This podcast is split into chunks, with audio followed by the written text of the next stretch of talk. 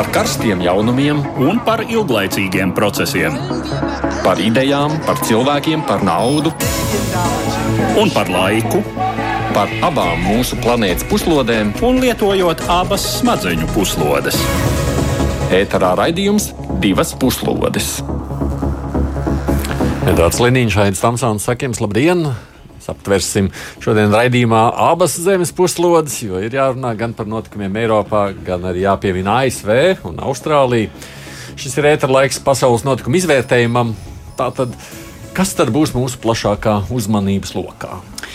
Pirmkārt, Krievija. Krievijā vēlēšanas ir beigušās bez pārsteigumiem. Kā jau daudzi prognozēja, uzvarējusi ir varas partija vienotā Krievija. Reti kurš nezina par tiem paņēmieniem, kādus lietoja vāra šo vēlēšanu laikā, taču Krievijā izskatās ļaudis ar šo nesevišķi tīro politiku ir samierinājušies. Tikmēr Vācijā vēlēšanām tikai gatavojas. Tur cilvēki pie balsošanas urnām ies nedēļas nogalē. Par vēlēšanu godīgumu tur neviens nešaubās, bet nu, ļaužu noskaņojums uztur joprojām intrigu. Arvien vairāk pieaug varbūtība, ka pašreizējās kancleres Angelas Merkeles partija paliek opozīcijā. Kāpēc tā? Un starptautiskajā politikā zemestrīce šais dienās ir izraisījusi jauna, kā to sauc, Streisa savienība, kas noslēgta starp Lielbritāniju, Savienotajām valstīm un Austrāliju.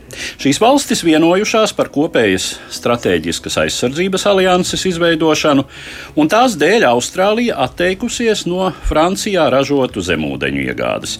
Francija šī iemesla dēļ pat atļāvās uz laiku atsaukt savus vēstniekus Savienotajās valstīs un Austrālijā uz konsultācijām. Visi tādi plaši temati, tāpēc arī nekavējam laiku un sākam ar pirmo no tiem. Nu, vispirms par bijušajām jau vēlēšanām. Pagājušās nedēļas nogalē notikušās Krievijas valsts domas vēlēšanas tika sagaidītas ar piesardzīgām cerībām uz pārmaiņām likumdevēja sastāvā, kurā līdz šim dominēja prezidenta Putina varas partija Vienotā Krievija. Pandēmijas situācija un vispārējais valsts ekonomiskais stāvoklis nepārprotami mazinājis valdošā režīma pievilcību daļas iedzīvotāju acīs, savukārt nozīmīgākā opozicionāra Aleksēna Navaļņija un viņa domu biedru iniciatīva, saukta par gudro balsojumu, potenciāli varēja atņemt vienotajai Krievijai kādu daļu no mandātiem vienmandātu apgabalos, kur tai tradicionāli ir bijušas stiprākas pozīcijas. Taču piepildījušās izrādās skeptiķu prognozes, kas norādīja, ka Krievijas režīmam ir plašs, nu jau desmit gadiem iestrādātu paņēmienu arsenāls, ar kuru panākt sev vēlamo rezultātu. Šo līdzekļu lietošana arī ir iemesls tam, ka vēlēšanas Krievijā kārtējo reizi nav atzīstamas nec par brīvām, nec godīgām.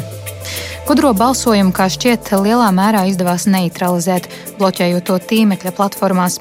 Saskaņā ar vēlēšanu sistēmu puse no 450 domas deputātu mandātiem tiek sadalīta proporcionālā balsojumā par kandidātu sarakstiem, otra puse - mažoritārā kārtībā vienmandātu apgabalos. Burtiski uz vienas rokas pirkstiem saskaitām tās Krievijas Federācijas administratīvās vienības, kurās vienotā Krievija nav ieguvusi lielāko mandātu skaitu balsojumā par partiju listēm, un tikai 27 no 251 mandāta apgabaliem uzvarējušais nav šīs varas partijas kandidāts. Attiecīgi, vienotās Krievijas frakcija valsts domē sarukusi visai nenozīmīgi, un ar 324 vietām tai joprojām būs absolūtais vairākums. Lielākā daļa no Putina partijai mazumā gājušajiem 19 mandātiem pārceļojuši pie komunistu frakcijas, kur ar 57 vietām paliek otra lielākā. Zaudējot teju pusi no mandātiem uz ceturto vietu domē noslīdējusi ilgadējā populismu un radikālismu kopēja Vladimira Žirinovska tā saucamā liberāla-demokrātiskā partija, apmainoties vietām ar sociāldemokrātiskās ieviras spēku taisnīgā Krievija. Vienīgā novitāte domas sastāvā ir pagājušā gadā dibinātā partija Jaunie cilvēki ar uzņēmēju Alekseju Ničājevu priekšgalā, kā arī daži neatkarīgie deputāti. Partija jaunie cilvēki, kas sevi pozicionē kā labēji centrisku, liberālu, uz brīvā tirgus attīstību un birokrātijas varas mazināšanu orientētu spēku, tiek raksturota kā Vladimiram Putinam pietiekami lojāla un no Kremļa kontrolējama partija. Un tas pats sakāms arī par visām pārējām jaunievēlētā Krievijas parlamenta frakcijām. Studijā mums pievienojas arī žurnālists, laikraksta dienas komentētājs Andris Sedlnieks. Sveiks! Sveiki! Nekas nemainīsies. Mm. Vai bija vispār varas iestādēm tur tā jāiespringst, nu, tad sajūta, ka tur Nē, ir nu, tāpat tur kāda, kāda atjaunošana ir, bet nu, tā jau Krievijas valsts domas vieta nav vieta eksperimentiem, politiskiem it īpaši. Ja. Nu, tur jau principā tā visa sistēma arī tā ir veidota, ka viss tur grozās ap likumdošanas ministriju vienot, vienotās Krievijas varas partijas izskatā, un tad tas, kurai pat nav savas īstas ideoloģijas, un tas kuģis vienkārši tiek piekoriģēts attiecībā no socioloģiskām aptaujām, no no tā, ko savēl pārējie. Tā kā nu, tur pilnīgi bez jebkādiem pārsteigumiem. Bet, nu, tas jautājums, tur, kas tad varētu būt interesants, ir nu, nu jā, par tiem jaunajiem cilvēkiem. Tā arī tieši tā, tāda tā partija arī ir. Jo tas labējais faktors, kaut kur tur, teiksim, liberālais faktors no tās Krievijas korģētās politikas kaut kur bija stipri pazudis. Ja? Nu, kas attiecās uz opozīciju, tad teiksim, tā nekāda izredzi jau viņai nebija arī tāpatās. Tā teikt, tur visiem par liberāļiem pārkrāsojušamies nacionālistiem un citai līdzīgai publikai. Ja? Bet, nu, Viņš vienkārši katram gadījumam padzina tālāk, ja, lai viņi nebojā skaistu bildi. Vai tas uh, nu, jā, iedzīvotāju vairākumu, tas, ja kas pilnībā apmierina, kā liecina dažādas aptaujas. Ja, piemēram, nu, patās Levada centrs publicēja aptauju, kur 62% Krievijas iedzīvotāji, tas ir par ārvalstu aģentu pasludināta organizācija, pēc tam Levada centrs, 62% Krievijas pilnīgi atbalsta plānveidīgu valsts ekonomiku. Ekonomika, jā, bet nu, tajā pašā laikā arī. Tas attiecās arī principā uz politiku. Jā, tas ir cieši jā, saistīts. Jā. Nu, iedzīvotāji saka, nu, ka nu, tā tās lietas piekoriģē kā vajag attiecīgi valdošie. Jā, un e, šķiet, ka lielai daļai Krievijas iedzīvotāju tas ir pieņemami. Tas ir tas priekšstats par stabilitāti, par kuru viņi acīm redzot balso. Uh, nu, cik tas, teiksim, ir, cik tie ekonomiskie motīvi, cik citi, tas arī ir labs jautājums, bet kopumā skatoties uz šo ainu, es domāju, ka Krievija varētu būt aizgājusi vis tālāk. Tai virzienā, kas ir reālas politikas aizstāšana ar polittehnoloģiju. Un to mēs arī tur redzam. Kā jau kolēģis minēja, vai ne? Tās konkrētās nianses šai politikā, retorikā tiek piekoriģētas atkarā no sabiedrības noskaņojuma, no priekšstatiem, Tur ir kaut kādi šie pamatelementi, neiztrūkstošs elements, protams, ir krievu nacionālisms. Uh, īsti par šovinismu to saukt nevar, jo nu, teiksim, mm, tādas brutālas uh, daudzo Krievijas minoritāšu apspiešanas, marginalizēšanas uh, Krievijā īsti nav. It kā teiksim, tāda nu, kultūra autonomija, daudzu, salīdzinoši daudzu etnisko autonomiju pastāvēšana, tas Krievijā ir, bet, protams, eh, tikai tik tālu, cik tālu tas neapdraud eh, vispārējo lojalitāti pret režīmu.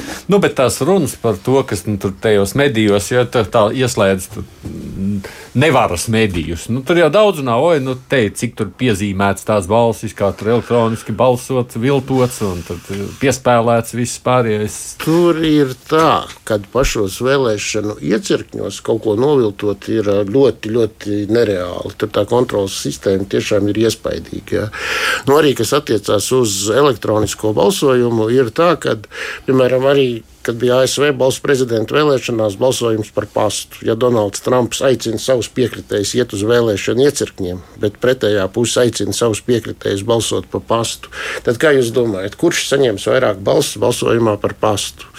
Ja Krievijā komunisti un nesistēmiskā opozīcija aicina visus iet uz vēlēšanu iecirkņiem, bet varas partija aicina visus balsot elektroniski, mm -hmm. tad kā jūs domājat, kurš saņems vairāk balsu elektroniski? Ja?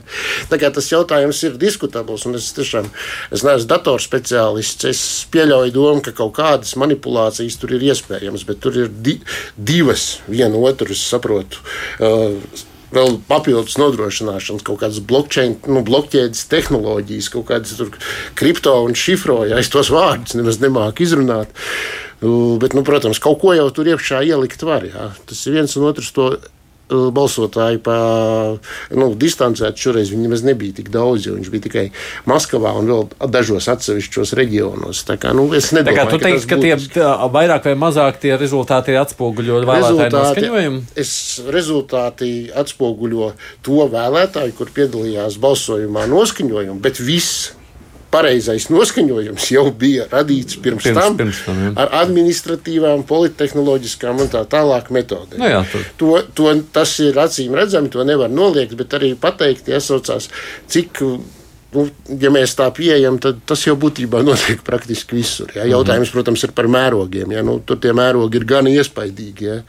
Bet nu, nav tā, ka teiksim, arī pie mums kaut vai pašvaldību vēlēšanās nu, zināmas pazīmes tur ir. nu, var jau teiksim, tā nosacīt, salīdzināt ar to, ka tur arī vienmandātu apgabalos lūk, balotējas cilvēki, kuri tur ir uzkrājuši ilgā laikā savu politisko kapitālu, un tā skaitā tāpēc, ka viņi ir bijuši sazobē ar eh, centrālo varu, nu, kas vienam vietvar, vietvaras vadītājam, protams, nāk par labu, ja viņš šādā sazobē ir.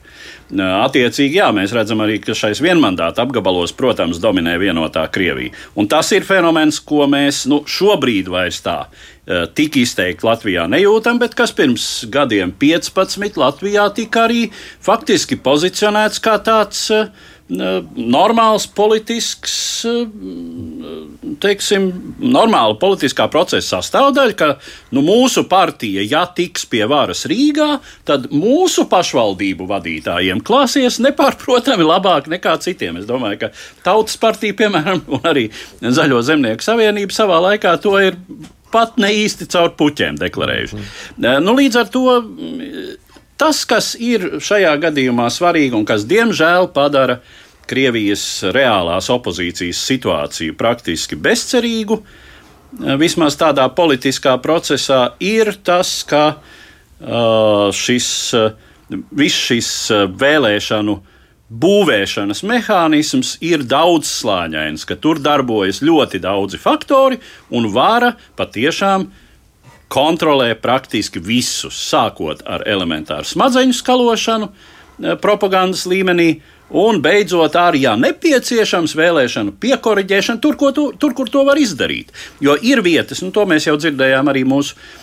Eh, Krievu sarunbiedru izteikumos pagājušajā raidījumā, ka ir vietas, kur to var izdarīt, piemēram, tāda Čečenija vai Tuva, kas tika konkrēti minētas, kur varas iestādes var atļauties Uh, manipulēt. Nu, piebildīsim, ka starptautisko novērotāju praktiski šais vēlēšanās nav. Nu, jā, ja neskait kaut kādu tur Baltkrievijas parlamenta delegāciju un vēl kaut ko tādu. To pabeidzot sakot, ka tur jau nekas nemainīsies ar 24. gadā, un tā, tā Tas... pieminētā bezcerība, ko tā arī Ilze raksta, ka viņi tās secina. Es teiksim tā, ja tā pati sistēma, ja viņa ir līdzīga, kāda pastāvēja, piemēram, Taivanā, ja, vai Japānā, vai Singapūrā, un šīs te vienas valdošās partijas ar autoritāru līderi, bez līderu modelis, viņš ir pastāvēt gadu desmitiem. Galvenais ir, lai tas iedzīvotāju vairākums būtu vairāk vai mazāk apmierināts ar dzīvi. Viņiem būtu kaut kāds darbs, darbs maizi izklaides, ja, sacās, un, un tad viņi var pastāvēt ļoti, ļoti ilgi. Mm. Un tas, teiksim, un, kad to modeli sākt mainīt, to jau principā viņi paši arī izlemj. Nu, labi. Nav šaubu, ka rietumu pasaulē Krievijas vēlēšanām gandrīz neviens īpaši uzmanību nepievērs. Skatoties uz to, ko rādīja BBC vai CNN. Jā, nu maz, jo, jo Krievijas valsts doma arī nav tas galvenais varas faktors. Kas to mēs arī jau zinām, esam par to runājuši. Pašā laikā nākamās vēlēšanas Vācijā uh, ir, uh, nu, tur, nu, Jā. ir um, faktiski katru stundu pa kādam sižetam. Un, ar, lai, nu, ko, bet Vācijas ietekmi jau nav apšaubām. Tātad kāds ir vēlētāju noskaņojums? pāris dienas pirms vēlēšanām. Šosvētdien gaidāmajās Vācijas Bundestāga vēlēšanās pēc visas spriežot gaidāma spraiga cīņa un sen nepieredzēta intriga. Kurš pārņems Eiropas lielākās valsts varas stūri, kuru pēdējos 16 gadus stingri turējusi kanclere un vācu kristīgo demokrātu līdere Angela Merkele? Savas varas periodā viņa vadījuši četrus koalīcijas kabinetus, no kuriem trīs, tā skaitā abos pēdējos ciklos kopš 2013. gada, bijušas tā saucamās dižās koalīcijas, proti Kristīgo demokrātu un Sociāldemokrātu alianses. Pēc iepriekšējām vēlēšanām 2017. gadā, kad abas partijas zaudēja daļu deputātu mandātu un sociāldemokrāti bija noskaņoti palikt opozīcijā, koalīciju izdevās sadiegt tikai ar lielām pūlēm. Pagājušajos četros gados abām lielākajām Vācijas partijām nācies risināt iekšējās problēmas. Kristīgajiem demokrātiem 2018. gadā draudēja šķiršanās ar viņu pastāvīgo satelītu partiju Bavārijas Kristīgu sociālo savienību, ar kuru kristīgajiem demokrātiem bija domstarpības migrācijas jautājumos. Pēdējie gadi savukārt pagājuši meklējot cienījumu aizstāvēju un turpinātāju Angelē Merkelē, kura 2018. gada beigās paziņoja par plānoto aiziešanu no kanclera amata pēc šīm vēlēšanām. Arī sociāldemokrāti ir izcinājuši līdzīgas līderības problēmas, taču šķiet, ka viņu risinājums pašreizējā vicekanclera un finanšu ministra Olafs Šolca personā ir veiksmīgs. Tā katrā ziņā ļauj spriest partijas reitingi, kuri kopš pagājušā mēneša vidus ir augstāki nekā kristīgajiem demokrātiem. Vēl viens nozīmīgs jautājums ir Vācijas zaļo iespējamais sniegums, kas noteiks, vai šī partija būs nepieciešamais trešais komponents nākamās valdības izveidē. Piedzīvojuši savas popularitātes apgāju šī gada pirmajā pusē, zaļie šobrīd ir trešajā spēcīgākajā pozīcijā aiz sociāldemokrātiem un kristīgajiem demokrātiem. Gan partiju reitingi, gan to līdzšinējā politiskā pozicionēšanās liek domāt, ka nākamo Vācijas valdību varētu atkal veidot dižā koalīcija vai arī tā saucamā Kenijas koalīcija, proti kristīgie demokrāti, sociāldemokrāti un zaļie. Divas puslodes! Edvards nedomā, ka Angelas Merkels šie vadītie konservatīvā paliks opozīcijā? Nu, tāda iespēja zināmā mērā pastāv, lai gan es domāju, ka, ja mēs skatāmies uz pārējiem, kas varētu veidot koalīciju, tad uh, tur ir tur, tur visās kombinācijās pietrūktu šo kristīgo demokrātu kā tāda stabilizējošā centra. Jo, ja mēs domājam nu, kaut vai par tā saucamo zaļu sarkano koalīciju, ko tad varētu veidot eh, sociāldemokrāti kopā ar zaļajiem, bet viņiem tad ļoti iespējams būtu jāņem arī vēl klāt radikāli kreisie, proti, dilinke. Uh, nu, vispirms jau to kreiso radikāļu ņemšana ir diezgan apšaubāma. Um, jo no viņiem uh, var sagaidīt, nu, respektīvi, viņu pozīcija ir tāda, ka ar viņiem būs grūti vienoties par kopīgu platformu, nu, un arī vispār, teiksim, mm, Vācijas zaļie nav tik sarkani. ja? Vācijas zaļie ir ieinteresēti uh, līdzsvarotā ekoloģiskajā politikā, kas diezgan, ko, ko nav tik vienkārši salāgot ar sociāldemokrātu primāri, protams, sociālajām programmām. Nu, tā tad, respektīvi, ekoloģiskās iniciatīvas prasa, uzliek sabiedrībai sociālu slodzi. Arī tādā bagātā sabiedrībā kā Vācija. Tur varētu būt problēmas, un, un tie kristīgie demokrāti nu, varētu būt tas, tomēr visur tas stabilizējošais faktors, kaut vai ar savu pieredzi. Lai gan tajā pašā laikā gan zaļie, gan sociāldemokrāti sacījuši pēdējās debatēs, kanclera debatēs, ka nu, viņi gribētu, ka kristīgie paliek opozīcijā. Viņiem nepietiks balsu. Tur tā problēma. Tur, protams, paliks pāri tās balsis, jā, kas ir, bet uh, opozīcijā palikt viņi gribētu. Viņiem teiksim, tīri ekonomisku iemeslu dēļ ļoti stipri atšķirās dažādi priekšstati. Kaut vai par to pašu gāzes vadu Ziemeļu straumi divi jāsaucās.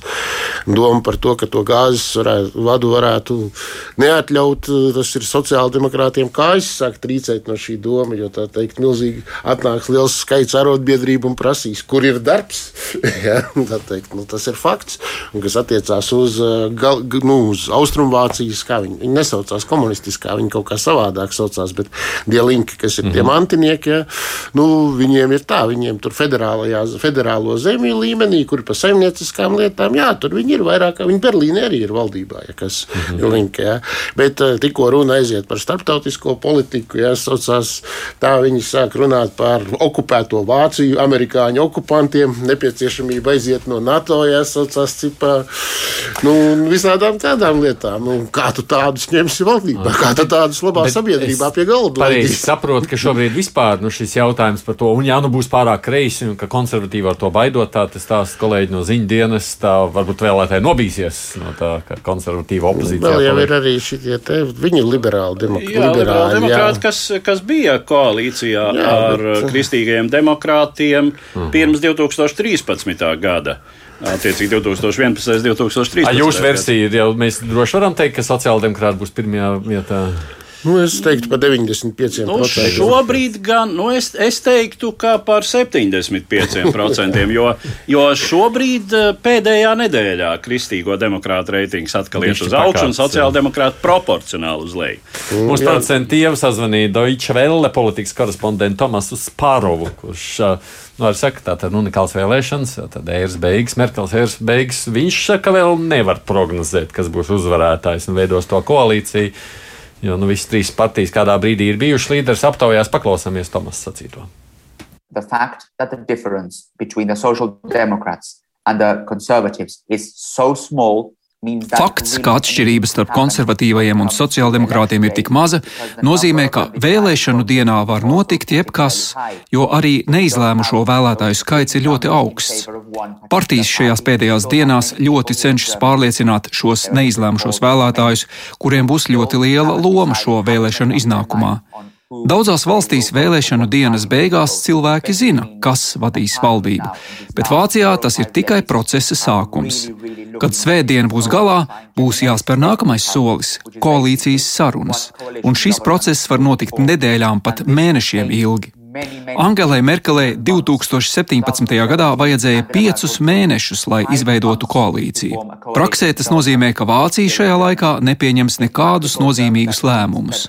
Tātad visiem Vācijas sabiedrotajiem Eiropā un arī Amerikas Savienotajām valstīm nevajadzētu sagaidīt, ka Vācija pieņems kādus lielus lēmumus, līdz nebūs noslēgta vienošanās par koalīciju. Mēs zinām, ka ļoti ilgu laiku laiku Angela Merkele ir bijusi Eiropas Savienības neoficiālā līdere. Kā jums šķiet, vai varam uzskatīt to par labu lietu, ka arī šī ēra ir beigusies? Well, e Tas noteikti radīs vakumu ne tikai dēļ Merkeles, bet arī tāpēc, ka nākamgad Francijā ir gaidāmas vēlēšanas. Tāpēc tas Eiropas duo, kā daži cilvēki to mēdz saukt, nebūs tik klātesošs kā ierasts. Vācija būs koncentrējusies uz koalīcijas veidošanu, un Francija tuvākajos mēnešos koncentrēsies uz vēlēšanām pašu mājās kas nozīmē, ka interese par Eiropas Savienības jautājumiem būs zemāka. Tā diez vai būs pavisam zudusi, jo šeit, Vācijā, visu lielo partiju kandidāti ir uzsvēruši, ka Eiropas Savienība ir ārkārtīgi svarīgs jautājums. Ja uz to skatāmies no malas, tad ir skaidrs, ka arī Eiropas Savienībai tā būs jauna ēra, jo Angela Merkele ir bijusi šeit 16 gadus, un daudzi saka to gan ar pozitīvu, gan ar negatīvu noti. Merkele ir bijusi bijusi daudzu jautājumu dzinējspēks. Nīderlandes pārstāvis nesen teica, ka tad, kad Angela Merkele runāja Eiropas Savienības samitos, cilvēki nolika malā savus telefonus un klausījās. Tas nenozīmē, ka tas vienmēr ir bijis pozitīvi. Merkele ir daudz kritizēta eiro krīzes laikā, bēgļu krīzes laikā un kopumā krīžu laikā. Bet Merkele bija ļoti būtiska Eiropas politikas figūra, un pēc viņas ir gaidāms vakums. Kad jaunā valdība būs noformēta, tad jaunais kanclers definēs savus mērķus Eiropas Savienībā un arī sapratīsim, ko tas nozīmēs Eiropas Savienībai.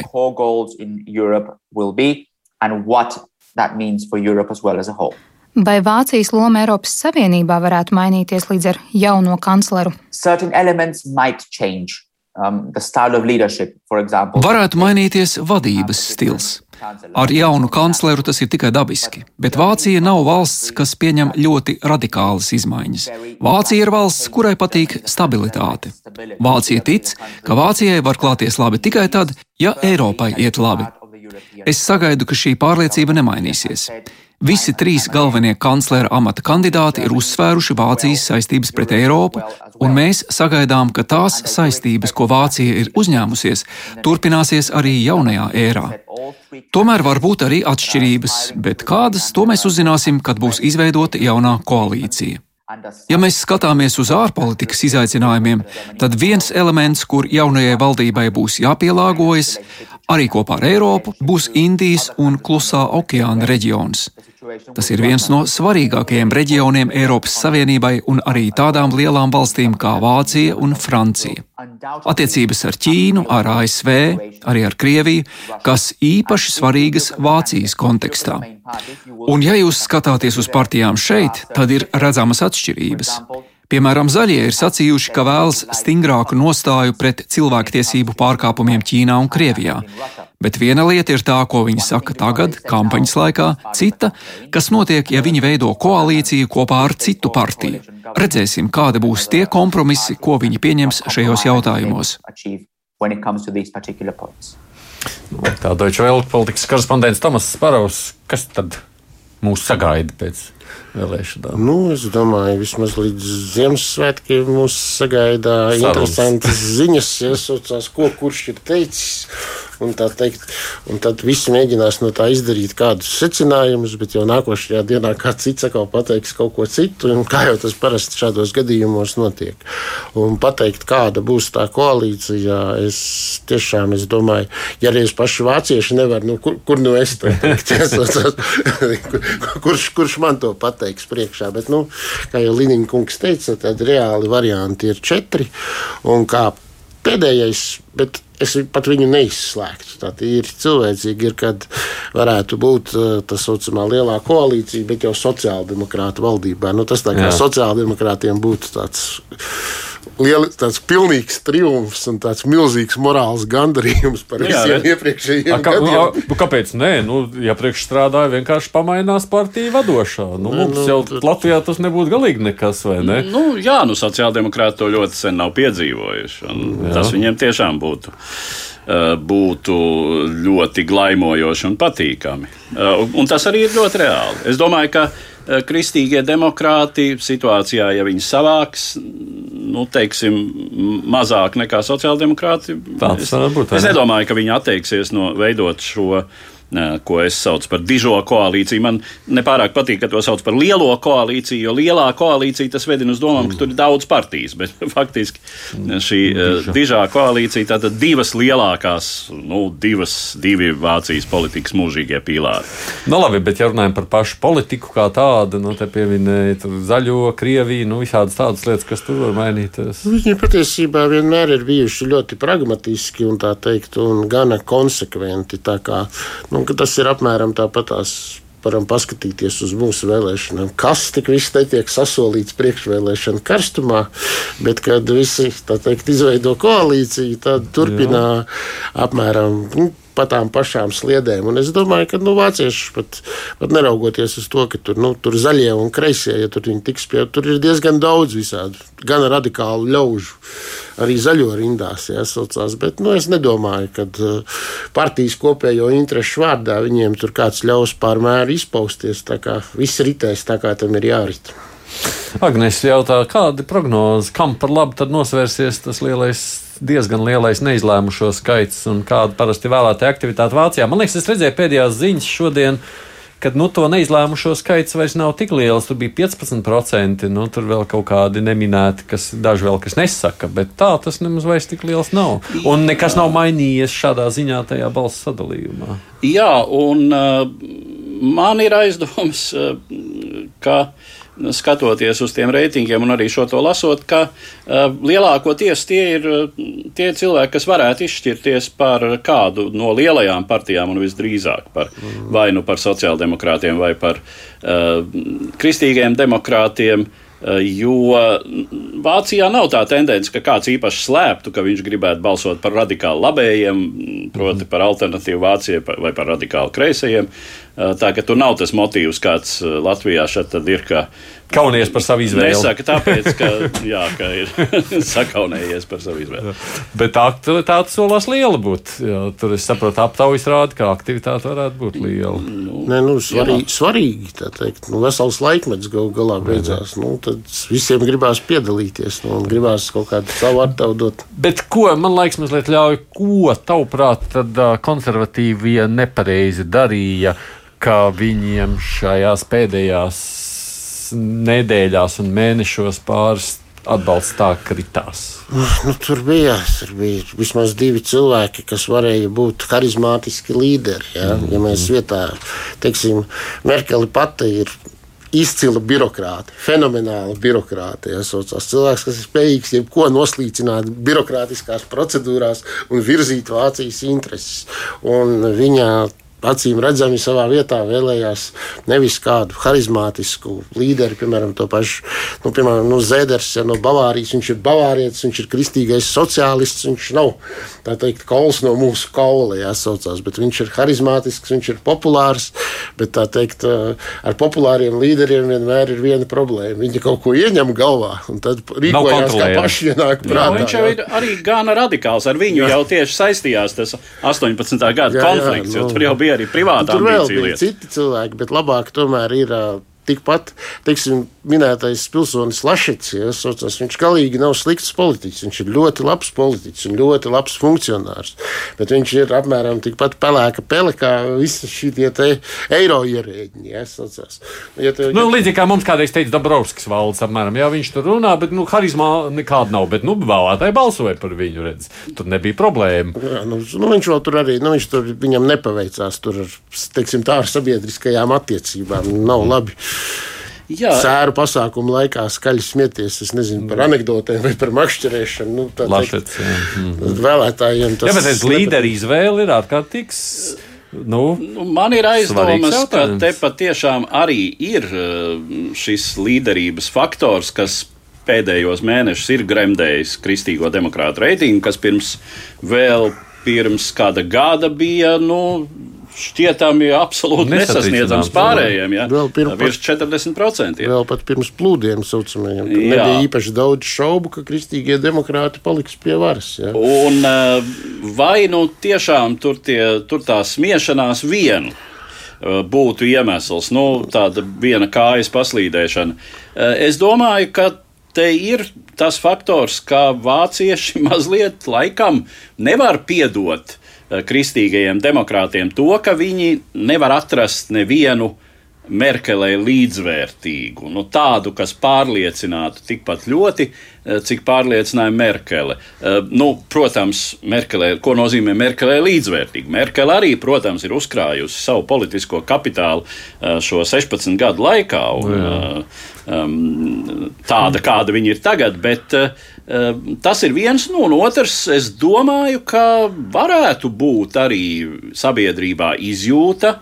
Ka nu, mums vajadzētu kaut ko pamainīt. Par to jau, manuprāt, mēs arī agrāk esam runājuši. Vai arī tas variants, jo tajā brīdī, jau, kad konservatīviem bija jāizvēlas, kurš ir viņu līderis, nu, uh, bija jau skaidrs, sabiedriskās aptaujas domas rādīja, ap, domas aptauja rādīja, ka nu, Lašets nebūs tas populārākais. Tur būtu no. Pilnīgi skaidrs. Bet viņi, nu, nu, es teiktu, tā, es būtu vēlētājs, nu, tā ir kāda varas augstprātība. Mēs sakām, mums viņš nepatīk, nē, mēs jūs nu, mēs tad, labāk zinām, mēs labāk kas, zinām, kas, kas tev ir vajadzīgs. Un es teiktu, nu tad iepūtiet, tad es balsošu par, par, par Jā, tiem, kas. Ir, ir bijusi šai līderu ziņā tāda, nu, zināmā taustīšanās un svaidīšanās, jo mēs atceramies, ka sākotnēji jau par, par Angelas Merkeles turpinātāju tika uzlūkota uh, Urzula Fonderleina.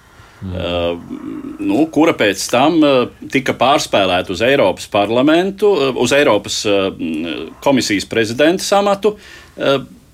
Kur arī bija runas par to, ka tur ir partijas aizkulisku spēlītas un ka vai no Fonderlejenai nav pārāk labas attiecības ar Merkeli vai, vai kā citādi, vai arī citiem partijas biedriem viņa nav gana mīļa. Nu, tad, uh, bija periods, kad par partijas līderi mm, tika izvirzīta Krampa Karenbauer. Um, nu, un uh, arī viņa izrādījās teiksim, uh, tādā vai citādā ziņā nederīga. Nu, teiksim, ne tā labākā kandidatūra. Nu, tad, uh, tad lūk, Armīns Lašets, kas ir šobrīd partijas priekšgalā, acīm redzot, neviens no viņiem mm, īsti nav pārliecinājis, nu, respektīvi, ja pašai partijai ir tāda, uh, tāds pārliecības deficīts par savu līderi, kas ir acīm redzami, nu, tad arī vēlētājiem nav sevišķi daudz uzticības. Es piebildīšu, ka, nu, kad bija Latvijas vēlēšanas, tur bija trīs, spēj, nu, arī Latvijas un vēl divi kandidāti. Mm -hmm. Latvijas bija tikai trešais no šā saraksta, jā, bet, tā, bet tā starpība nebija milzīga. Jā, nebija teiksim, milzīga. tur, piemēram, tur ļaudis stāstīja dažādas, nu, tie kandidāti, viņiem katram bija visai radikāli atšķirīgas tās nostādnes. Jā, piemēram, jā. viens tas Piemēram, viens stāsta, ka gandrīz ziemeļstrauma ir jāklapē ciet, liekot šausmās saķert galvu partijas sponsoriem. Ja? Nu, un visādi šitādas lietas. Ja? Un tur tā izvēle viņai jau patiesībā nebija tik vienkārša. Ja? Un no Merkels arī gaidīja, ka, nu, ka viņa tā teikt, nu, tāpēc arī tur ir Lašits, ka no tās kanclers gaidīja. Nu, Dodiet mums teikt, viedā māte, to padomājies, ko tad mums tur īsti likt tajā vietā. Ja? Jo tā teikt, visiem ir kaut kādi savi trūkumi. Ja? Tur jau tā problēma arī slēpjas. Tad izrādās, ka. Nu, Jā. Bet neviens nekur nav teicis, ka arī ar citiem būtu daudz labāk. Labāk, varbūt arī taisnība. Jā. Nu, labi, kāda būs rezultāti? Mēs droši vien nākošais ceturtdien Tevis nebūs. Jā, es būšu kādiem citiem. Bet nu, ir vēl kāds notikums, kas skar arī Eiropas Savienību. Par to noteikti jārunā plašāk. Tikai nu, vispirms pārmaiņai apkoposim arī dažas īsākas ziņas.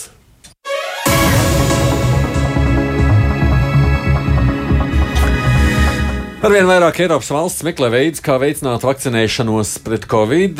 Nu, lai arī gandrīz visās Eiropas Savienības valstīs tā vakcinēšanās aptver lielāka nekā Latvijā, bet nu, arī tur atbildīgās amatpersonas nav apmierināts ar rezultātiem. Daļa valsts iet obligātās vakcinēšanās virzienā. Visstriktākā pieeja ir Itālijai, kur faktiski bez vakcinēšanās nu, var iztikt tikai tie, kas neiziet no mājām. Savukārt citas valsts mēģina atrast kādus netiešākus ietekmēšanas veidus, piemēram, vāciešiem kas nav vakcinējušies no 1. novembra, vairs netiks maksātas algas kompensācijas par karantīnā pavadīto laiku. Tas nozīmē, ka pēc kontakta ar inficētu personu mājasēdi būs cilvēkiem jāmaksā pašiem. Un arī no nākamās nedēļas testēšana turpmāk Vācijā būs par maksu. Čehijas policija jau ne pirmo reizi rekomendējusi prokuratūrai izvirzīt apsūdzības Čehijas premjerministram Andrijam Babišam. Premjerministrs tiek turēts aizdomās par ļaunprātīgu Eiropas Savienības līdzekļu izmantošanu 2007. gadā, lai izveidotu luksusa kūrortu stārķa Ligzda. Policija apsūdz Babišu par aptuveni 2 miljonu eiro izkrāpšanu, kas noticis vēl pirms viņš iesaistījās politikā. Izmeklēšanas dokumenti, kas nu, ir papildināti ar vairāk liecinieku ziņojumiem, ir nodoti prokuroram, kuram tagad divu mēnešu laikā jāizlemj, vai izvirzīt apsūdzības Babišam, vai vēl turpināt izmeklēšanu, kā tas vairāk kārt jau darīts. Pat premjeras dēls esot atzinies, ka nav gribējis iesaistīties krāpšanā. Bet nu, izskatās, ka Čehus pašus šīs apsūdzības lielākoties neiespaido. Čehijā arī būs vēlēšanas, parlamenta vēlēšanas 8. un 9. oktobrī, un tur jaunākās aptaujas prognozēja uzvaru Babiša dibinātajai populistiskajai partijai, kas saucas Neapmierināto pilsoņu akcija. Šonadēļ pasaule sasniedz vēl vienu ziņu par organizētu valsts apvērsumu, tikai nu, šoreiz tas nav izdevies. Sudānas bruņotie spēki otrdien esot izjaukuši apvērsumu mēģinājumu un tā organizētāji aizturējuši. Tā televīzijā paveistīja armijas pārstāvis sakariem ar presi Tahers Abu Hadža. Galvaspilsētas kartūmas ielās otrdien bija redzams daudz armijas automašīnas. Apvērsuma galvenais organizētājs bija ģenerālmajors Abdulbaki Albakravi. Viņa atbalstītāji sākotnēji pretojušies arestam, bet nu esot tagad visai aizturēti. Sudānā 30 gadus ar dzelzceļa dūri valdīja iepriekš prezidents Omars Albašīrs, līdz armija 2019. gadā pēc masu protestiem viņa režīmu gāza. Civilisti un armija šobrīd ir izveidojuši tādu kopīgu pārejas administrāciju, kas ir saņēmusi arī starptautisku atbalstu. Pretrunīgas ziņas turpina pienākt no Afganistānas, kur vietējās sievietes cīnās par tiesībām savām tiesībām. Nedēļas nogalē izglītības ministrija lika atgriezties vidusskolās skolotājiem, vīriešiem un skolniekiem. Ignorējot meitenes un skolotājus, kas izraisīja neziņu un satraukumu Afganistānā, arī as kritiku no ārvalstīm. Tomēr otrdien Taliban paziņoja, ka arī meitenes varēšot mācīties tikai nepagaidām. Tas notikšot tik drīz, cik vien iespējams. Tiesa valdības pārstāvis nepaskaidroja, kas šobrīd neļauj meitenēm mācīties. Novērotāji min dažādas iemeslus, gan laika novilcināšanu, arī savstarpējas pretrunas Taliban rindās, gan arī centienus radīt atsevišķu infrastruktūru. Jo ir skaidrs, ka mācības iespējams tikai tad, ja meitenēm un zēniem tās notiek atsevišķi. Startautisko telekanālu ekrānos šodien redzami skaisti, bet biedējoši skati no Spānijas, Kanārijas arhipelāga Palmas salas, kur izvirts vulkāns. Tās turpina nodarīt liels postījumus. Lava ir iznīcinājusi simtiem dzīvojamo māju. Vairāk nekā 100 hektāru liela platība sadz biezs melnas lavas slānis. Lavas temperatūra sasniegusi 1000 grādu, izplūst no deviņām fumarolām salas dienvidos. Evakuēto cilvēku skaits ap 6000, tā pavēstīs civilās aizsardzības dienests. Vairums evakuēto apmetušies ir pie tuviniekiem vai privātās mājās citās salas daļās. Tās labās ziņas, ka neviens cilvēks izvirdumā nav gājis bojā vai arī nav ievainots. Varas iestādes gan brīdina par indīgo gāzu rašanos, jo kvalojošā lava ir nonākusi līdz okeānam. Jāpiebilst, ka pēdējos 50 gadus šis vulkāns bija klusējis.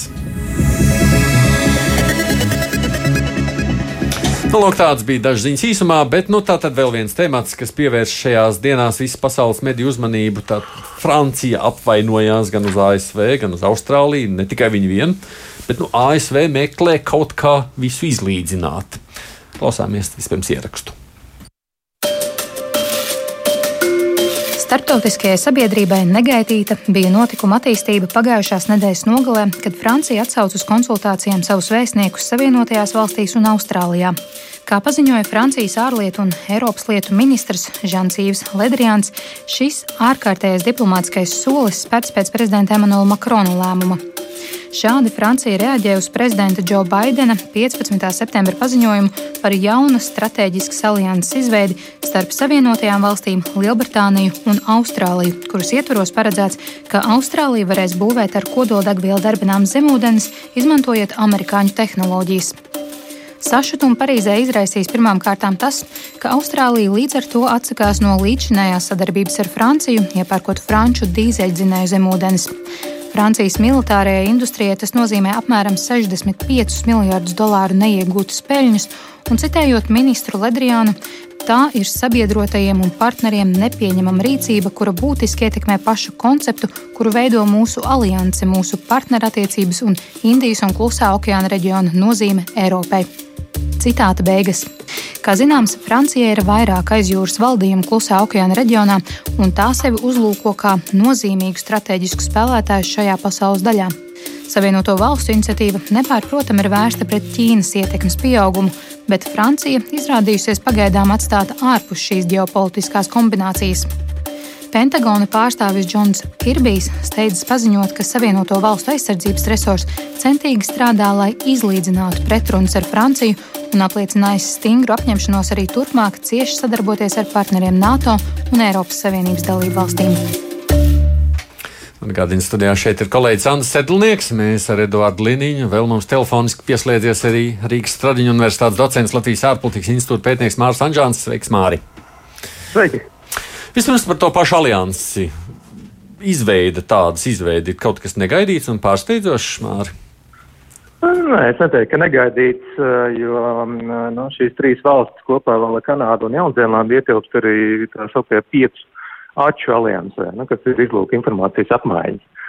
Un, un tas pat savā ziņā bija gaidāms. Protams, nu, nesmuki iznāca, ka Francija tika izslēgta, bet nu, tāda ir dzīve. Nu, kāpēc tāda ir tā dzīve? Tāpēc, ka ASV ir labāks piedāvājums. ASV ir uh, labāks uh, bruņojums šajā gadījumā, uh, kodola zemūdens un citas tehnoloģijas. Un skaidrs, ja nu, Austrālijā iepriekš tāda piekļuva nebija. Un tiek piedāvāts daudz labāks produkts, nu, kodola zemūdens, kas ir klusāks, var daudz ilgāk atrasties okeāna dzelmē uh, un nu, grūtāk pamanāmas. Nu, tad kāpēc izvēlēties skaļākas dīzeļu, nu, gandrīz lokomotīvas pateicis, bet dīzeļu zemūdens. Nu, proti, tādā ziņā, ka Francija apzināti tika mazliet atstāta aizmugurē, ne, neiesaistīta. Nu, jā, nu, sākotnēji bija, nu, bija, bija pasūtījums no Francijas, nu, pēc tam vienkārši tika atcelts. Nu, kā saka, nesmuki sanāk, eh, bet to arī uz dzīves situācijām var attiecināt. Nu, ja ir kāds, kāds pirkums ticis iecerēts, līgums noslēgts, bet nāk kaut kas labāks, nu, tad ir droši vien grūti pārmest cilvēkam izvēles kaut ko labāku. Šajā gadījumā Austrālija izvēlas labāku produktu, ar ko var um, vieglāk um, konfrontēt, ja tas nepieciešams ar Ķīnu. Vai, vai nu vismaz atrasties kaut cik vienlīdzīgās pozīcijās. Zin kā, Edvard, uh, tagad Andim jautāja, no, no vienas puses, nu, nu, Francija var nav slikta, vai nevarētu jau iesaistīties sarunās, bet nauda tur tā un tur jau līgums. Nu, Francija arī taisa atomu zem ūdens. Ja nu kāds to nezināja. nu, jā, jā, jā. Bet nu, tā kā te ir izdevīgāks variants, tāpēc Francija apzināti atstāja aiz durvīm. Ne? Tā nav. Nē, tur, tur, ir, tur ir daudz vairāk ģeopolitikas no. nekā ekonomikas. Nekā ekonomikas tomēr, jā. jā, tur tās zemūdens mierīgi varēja pasūtīt arī Francijā un izdiedēt no viņiem vēl atlaidi. Un arī atomu zemūdens. Tur ir daudz vairāk. Bet jau politikā taču Francija kā vēl viens sabiedrotais nebūtu trīs savienību, četru savienību vai nu, vēl nekas, kas vainas būtu. Tā teikt, Šarla de Gaulle idejas, kā zināms, Francijā dzīvo un turpina uzvarēt. Ja? Un Šarls de Gaulle, tā teikt, Atlantistus sazina, cik nemīlēja. Tā teikt, un biedri golisti tur joprojām ir kuplā skaitā. Tas ir tādas pretenzijas uz ģeopolitisko suverenitāti, uz kādu īpašo statusu.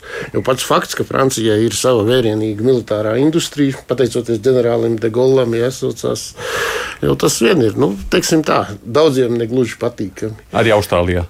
Nu, kāpēc Austrālijā? Austrālija tas ir. Austrālija arī ir īpašs gadījums. Austrālija ir daudz vairāk Lielbritānijas karalienes nekā Amerikas prezidenta sabiedrotais. Tad... Nu, formāli, formāli, protams. No, bet nu, te, te ir trīs savienība. Kas aiz visa šī? Nu, jo, nu, e, es gribu, ne, nu, tas, ko tu saproti, es gribu saprast, kāpēc. Nu, viena lieta viņi izveidoja savienību, bet kāpēc viņi uzreiz to Franciju neaicināja draudzēties? Nu, varēja jau taču, jo vairāk nu, draugu, jā, jo labāk. Tiešām ģenerāļa de Gaulle ēna šajā brīdī vīd kaut kur tam visam fonā. Nu, proti, tās sarežģītās attiecības, kādas Francijai eh, vienmēr ir bijušas ar anglosakšu nācijām. Eh, un, eh, jā, protams, teiksim, kopš Napoleona kariem Francija nav nekad nopietni karojusi ar Lielbritāniju, un pēc tam 20. gadsimtā, protams, ir bijusi vairāk kārt, nu, proti, otro, abos pasaules karos ir bijusi Lielbritānijas un Savienoto valstu sabiedrotā, bet, nu, kā zināms, jā, Golla varas laiks, tie ir 50. un 60. gadi, bija tas brīdis, kad Francija izstājās no NATO militārās struktūras. Pirmkārt, tāpēc, ka Gols tiešām nu, teiksim, jutās šai organizācijā mazliet otrajā, ka Francija ir mazliet otrajā plānā, ka Franciju ir atstūmušas malā Savienotās valstis un nu, Briti kā Savienoto valstu, protams, ciešākais sabiedrotais Eiropā. Tur bija tāda nu, jā, nacionālu ambīciju un arī mazliet droši vien personisku ambīciju spēle, kāpēc, teiksim, Gola laikā NATO štābam nācās pārvietoties no Parīzes uz Briseli. NATO galvenajai mītnei un tā tālāk. Un tā tālāk. Nu, protams, pēc tam pakāpeniski tas izlīdzinājās. Francija atgriezās šai NATO arī militārajā struktūrā. Bet kaut kur jau jā, tās plaisas un tās pretrunas ir saglabājušās. Mm. Māri, savukārt vēstījums šis taču ir pret Ķīnu, tā es pareizi saprotu. Mm, pilnīgi noteikti. Nu, tas nav stāsts tikai par to, ka ASV ir labākas militārās tehnoloģijas nekā Francijai daudzajā ziņā uh, un, un, un par nu, šo valstu sadarbību, uh, bet, protams, signāls Ķīnai. Uh, par to, ka ASV stiprina un arī savā ziņā nu, veido varbūt jaunas alianses, lai Ķīnu iegrožotu. Jo nu, skaidrs, ka ASV tādā ģeopolitiskā kartē Ķīna ir galvenais sancensis. Protams, arī Krievija tur ir, bet Krievija ir daudz vājāk daudzajādā ziņā. Un arī pašai Austrālijai nav klājies viegli neformāls sankcijas no Ķīnas puses tikušas vērstas pret dažādiem produktiem, uh, um, Austrālijā ražotām, gan arī pret ķīniešu studentu došanos uz Austrāliju. Tā kā no Austrālija jau ir izbaudījis diezgan uh, augstu dušu no Ķīnas. Bet to tas, protams, pamatā ir stāsts par uh, Ķīnu. Mm. Nu, un ko ta Ķīna? Nu, ko Ķīna būvēs? Ķīna arī būvēs atomzemūdens. Nu, Ķīna, nu. Ķīna, Ķīna būvē savu militāro floti. Nu, jā. Teiksim tā, pirmo reizi kopš kādiem 600 gadiem Ķīnas militārā flote parādās kā nopietns, nopietns militārs spēks, jo līdz tam ķīniešiem nu, nav bijis, ja salīdzina ar lielajām Eiropas nācijām un pēc tam Savienotajām valstīm, nav bijis nopietnas kara flotes un citu valstu bruņotie spēki ir risinājuši savus konfliktus uz Ķīnas zemes. Jā, bet Ķīnas kompānijas vadītājs taču te jau tā norunāja, ka viņš negrib tur blokus, un viņš negrib tur. Nu, viņš varbūt negrib. Nē, nu viņi arī, principā, nu, Ķīna, jā, Ķīna, Ķīna tā teikt, nu viņi labprāt varbūt kaut kādu aliansi ar Krieviju noslēgtu, bet nu, tur arī ļoti strīdīgi ir, jo Maskava arī īpaši neilgojās atkal slēgt militāru aliansi. Un tur ir daudz dažādu diplomātisku nianšu. Un tas, kāpēc, teiksim, tieši Austrālija iesaucās šajā gadījumā, nu, tas ir loģiski. Francijai, protams, ir intereses Indijas un Klusā okeānā, mm bet, nu, teiksim, tur eh, Jaunkaledonija vai kas viņiem tur ir tās saliņas, ja, kur dzīvo pārsimts tūkstoši laimīgi aborigēni, kas saņem Francijas pensijas. Ja, nu, tas divi nav... miljoni, divi miljoni Francijas ah, pilsoņu dzīvo. nu, tas arī nav. tas tomēr nav tas pats, kas Austrālija, ja, kurai ir jā. milzīgas tur, ekonomiskās intereses un problēmas. Un, jā, un, tas, uh, un tā vēl viena lieta, ko es arī noteikti domāju, kas spēlē lomu, ir tas, ka arī šī, šīs te tendences mūsdienu Eiropā, ja, Lielbritānijas aiziešana, šīs runas un arī centieni uz lielāku militāro patstāvību, kurus ik pa brīdim, teiksim, nu, visai saudabīgā izpildījumā, bet īsteno prezidents Makrons ja, šai idejai par to, ka nu, Eiropai tomēr vajadzētu vairāk patstāvības un neatkarības no saucamajiem anglosakšiem, kurai ir gana daudz piekritēju, mazāk atklātu, bet gana daudz ik pa brīdim izlien kāds slēptais šīs idejas atbalstītājs. Ja? Un tas viss, teiksim, tas arī rada kaut kādu fonu. Ja? Un vēl viena lieta ir, kad ASV vairāk ne tuvu nav tik varenas kā savos ziedu laikos. Ja? Un tā teikt, viņi labprāt pāradresētu, manuprāt, tā liecina arī izteicieni darīt to pašu, ko Trumps. Ja? Labprāt pāradresēt Eiropas problēmas aizvien vairāk pašiem Eiropiešiem. Mm. Jo viņi nevar vienlaikus divās Jā. frontēs, viņiem vienkārši nepietiek resursu. Vai klausies, Māri, tagad taču ASV mēģina visu izlīdzināt, vai ne? Nu, tā teikt, atvainoties, neatvainojoties. Tomēr. Sarunā ar prezidentu Makronu nu, nu, nu, norādes, ka nu, jāstrādā kopā, situācija ir kāda viņa ir. Tad to no nu, Francija, kā lepna nācija, ir, ir kā saka, savu seju nedaudz glābusi, bet nu viss nostāja savās vietās. Vēstnieki atgriežas savās pozīcijās un, nu, es domāju, viss turpināsies tā, kā uh, turpinājās.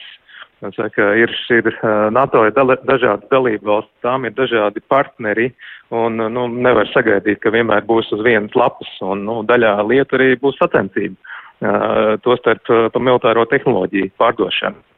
Tas nozīmē, ka mēs vērosim tādu lielāku iekšējo konkurenci pašās nu, nu, rietumvalstīs. Nu, kā lai viņas nosauc, nevar visu par rietumvalstīm saukt, vai var? Jā, Jā nu vienmēr nu, sacensība būs, bet nu, īpaši arī par militārām tehnoloģijām nu, ir, ir par, par iznīcinātājiem, jo īpaši dažādās pasaules malās arī uh, konkurē gan Francijas uzņēmumi, gan ASV uzņēmumi, gan arī citi, kas nu, tādu tehniku piegādā. Kā, nu, vienā brīdī sabiedrotie otrā konkurenti. Kā mēs nu, nereti arī par Baltijas valstīm runājam, ka nu, esam tuvākās valsts, bet kā atnāk ekonomika, tad ir nu, cits stāsts. Tā, teikt, tā bija atvainošanās, neatvainojoties. Jā, nu, kā tas nereti notiek pasaules diplomātijā. Jo, nu, protams, Eh, Francijas reakcija, es domāju, bija negaidīta asa. Nu, teiksim, vēstnieku atsaukšana. Eh, nebija ar tādu reakciju jau. Savienotās valstis nebija rēķinājušās, Austrālija tāpat. Eh, bet, nu, droši vien nebija izskaidrojuši visus komponentus šai vienādojumā. Patiešām tuvojošās Francijas prezidenta vēlēšanas. Francijas prezidentam ir jāizskatās šajā brīdī izlēmīgam un uh, nacionālās intereses un nacionālo godu mm -hmm. aizstāvošam. Tas noteikti arī ir faktors. Es domāju, ka uh, tā vispārējā tendence, protams, ir tāda gluži pareizi. Savienoto valstu um, resursi ir uh, nospriegoti, un Savienotās valstis gan cenšas šādā veidā iesaistīt Austrāliju uh, kopējā pretstāvē Ķīnai un, un Ķīnas militārās izplešanās ierobežošanā Savienotajām valstīm nebūs nekas pretī. Arī Francija šajā reģionā, kā sabiedrotais, kāpinās savu militāro klātbūtni. Bet Savienotās valstis tāpat, protams, arī vēlētos redzēt, lai Francija un, protams, arī Vācija un citas NATO valstis Eiropā pašas vairāk rūpētos. Tas nav tikai, tā nav tikai Trumpa kaprīze. nu, šis būtu viens atsevišķs temats, par ko mums būtu runājams, bet ne tagad un ne šodien. Es jums saku paldies. Vispirms paldies Māri Anģānu, Rīgas Traģiņu universitātes docents, ārpolitikas institūta pētnieks. Paldies, Mārta, par sarunu. Uh, paldies! Andim Sedlniekam atnāca līdz Latvijas radio šeit viens studijā. Un, protams, Edvards Liniņš, redzījuma līdzautors, viņš teica, ka viņš jau atvaļinājumā dosies. Es nē, mēs turpināsim nākamajā nedēļā runāt par Vācijas vēlēšanām un ne tikai. Studijā bija Esaits Tomsons, redzījums divas pušlodes šodien līdz ar to izskan. Producents mums ir Ieva Zeiza, tiksimies ētrā šeit atkal pēc nedēļas.